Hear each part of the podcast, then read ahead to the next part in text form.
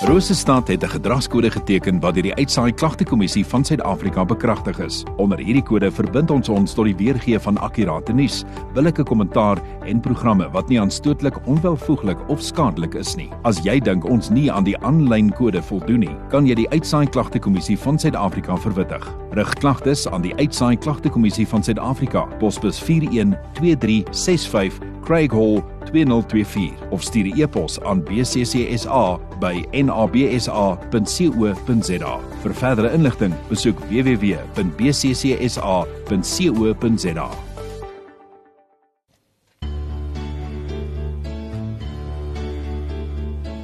Tyd vir oggendgodsdiens op 100.6 FM. So die meneer alles van Koller. Dominee, waarna kyk ons vandag? Ek gaan so 'n bietjie oor gebed praat sal of uh, vandag ons ek gaan lees Matteus 6 ek gaan vanaf net die 5 tot die 7de versie saam lees.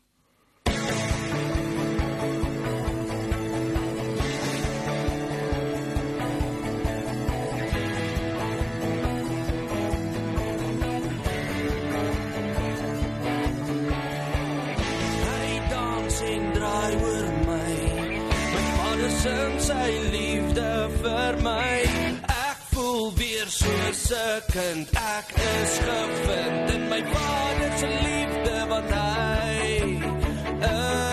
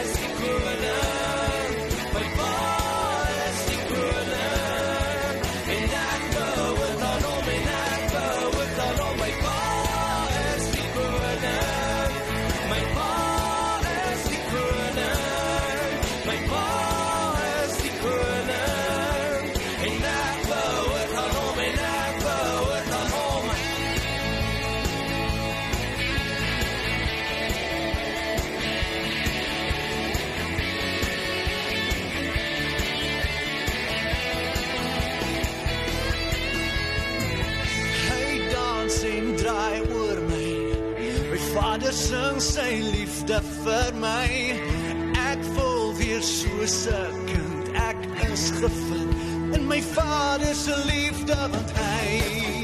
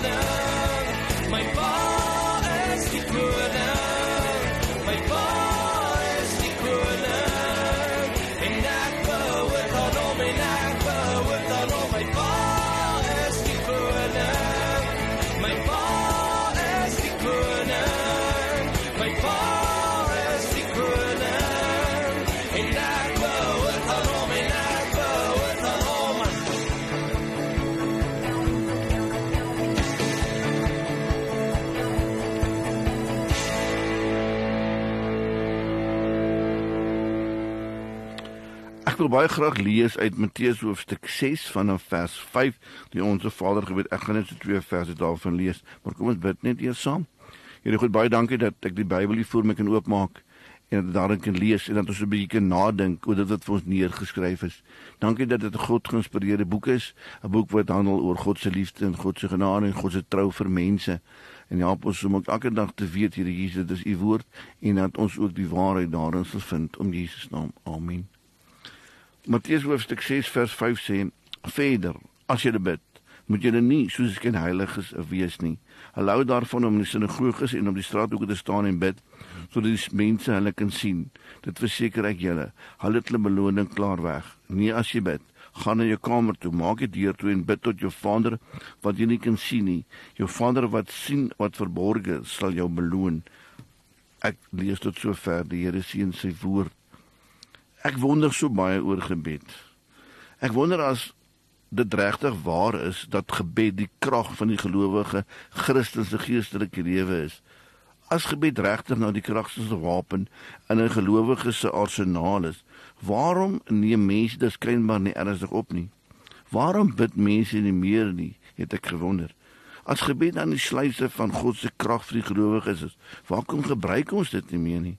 Behalwe ek het ook Andrew Murray per geleentheid daaroor gewonder en aan 'n saal vir predikante gevra. Andrew Murray het verduidelik dat gebed 'n belangrike manier is waarop God sy krag oor 'n bidder uitstort. Dit is waar die gelowige hom of haarself weer in die teenwoordigheid van die lewende God versterk. Natuurlik is al wat gelowig is dit beam. Hy vra toe hoeveel van die predikante in die saal spandeer 'n dag per 'n uur per dag in gebed. Niemand het geantwoord. Daar was geen hande opgesteek nie. Hy vra toe hoeveel van die predikante spandeer 'n halfuur per dag in gebed. So het dit tyd al minder en minder gemaak. Ek dink dis 'n vraag wat ons elkeen wat Christen is in onsself moet vra. Hoeveel tyd spandeer ons in gebed per dag? En as jy die antwoord gegee het, wat sê dit vir jou van jou houding teenoor gebed? Wat sê dit vir jou van wat jy nog van gebed verwag? As jy saamstem dat ge gebed die sluise van God se krag vir die gelowige is, wat doen dit dan aan jou gebedslewe? Want gebed kan eintlik as die barometer van 'n mens se geestelike lewe gesien word. As dit nie goed gaan met jou geestelike lewe nie, is gebed binne die eerste plek waar jy dit begin sien. Jy bid nie meer so graag nie. Eintlik duister jy ook nie meer daar in die kerk gebid word nie. Jou eie gebede word 'n klompie lossin of 'n klompie reëls wat jy soos 'n resitasie elke keer opsê. Daar is as dit ware nie meer lewe in jou gebed nie. Daarom verwag jy ook nie veel van wat jy bid nie. Dis nie goeie tekens vir 'n mens se geestelike lewe nie. Dis byna soos om 'n mens te sien versmoor omdat hy nie wil asemhaal nie. Daardie bietjie vars lug, daardie asem kan die verskil maak. Want gebed is vir die gelowige daardie asem wat die verskil kan maak, wat weer lewe in 'n dor geestelike liggaam kan bring. Daarom is dit nie verbasend nie dat Martin Luther gesê het, hoe besigger hy is, hoe meer sp tyd spandeer hy aan gebed. Dis ouens waar hy God ontmoet en waar sy krag vandaan kom. 'n Mens kan inderdaad die hele geskiedenis stap. Al die gelowiges wat 'n verskil in die geskiedenis van die kerk gemaak het, was gedissiplineerde bidders. Hulle het gereeld en ernstig die genade troon van God gaan opsoek, want hulle het ten minste geweet waar hulle krag vandaan kom. Ja, daar is krag in die gelowiges gebed. Dit sê die Bybel vir ons. En omdat dit so is, skep dit baie keer verkeerde verwagtinge by gelowiges. Hulle dink gebed is die kraan waarmee hulle maar soos hulle wil God se krag kan tap as jy die kraan draai, moet God hulle respek gee. As God nie gee nie of die kraan nie loop soos hy wil nie, dan sê hulle sommer gou gou maar gebed werk nie. Vir hulle is daar 'n verrassing. God werk nie so nie. Gebed is nie die plek waar die bidder vir God laat werk of laat doen nie. Tog bly dit die plek waar die volheid van God se genade en krag ervaar kan word. Hugo het gesê dat wanneer 'n mens op hulle knieë vir God kom roep, hulle 'n sekere sin met soveel krag kry as wat God kan gee. Die krag wat selfs vir Jesus uit sy graf wat opstaan het. Dit gesê moet ons ook weet wat om te verwag. Gebed maak ons nie die almagtige God self nie. Ons word nie voorskrywers nie.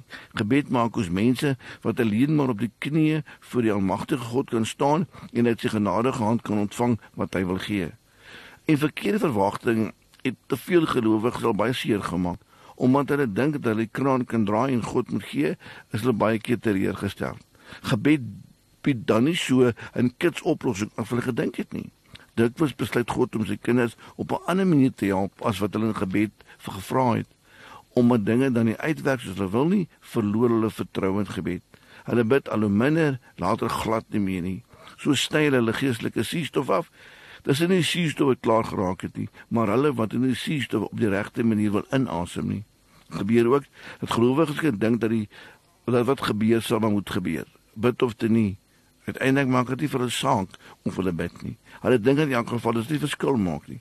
Die ernstige suurstof tekort in 'n geestelike lewe kan ook nie vir lank weggesteek word nie. En natuurlik het Jesus self van ons die voorbeeld gegee om te bid. Matteus 14:23, Markus 1:35. Hy het nie alleen ons ons Vader gegee nie, maar hy het self op belangrike tye in sy lewe gebid. By geleenthede het sommer die hele nag deur gebid. Hy het nie net vir homself gebid nie, maar ook vir ander, vir sy disippels, self vir sy vyande. By ander geleenthede het hy met enkele sinne die Vader om kos gedank. Jesus het ook allerhande belangrike kritiek op die gebed gebede van ander gehad. Hy het die fariseer wat so vol van homself was se gebed gekritiseer.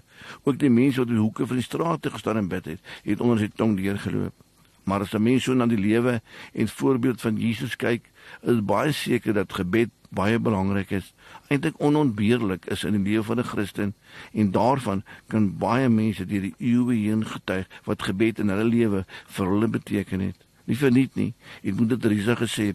Kom ons bid, kom ons bid vir mekaar want dit is die beste manier om vir mekaar lief te hê. Baie dankie Here dat U vir ons liefhet en dat ons ook met U direk kan praat as ons Hemelse Vader. Amen.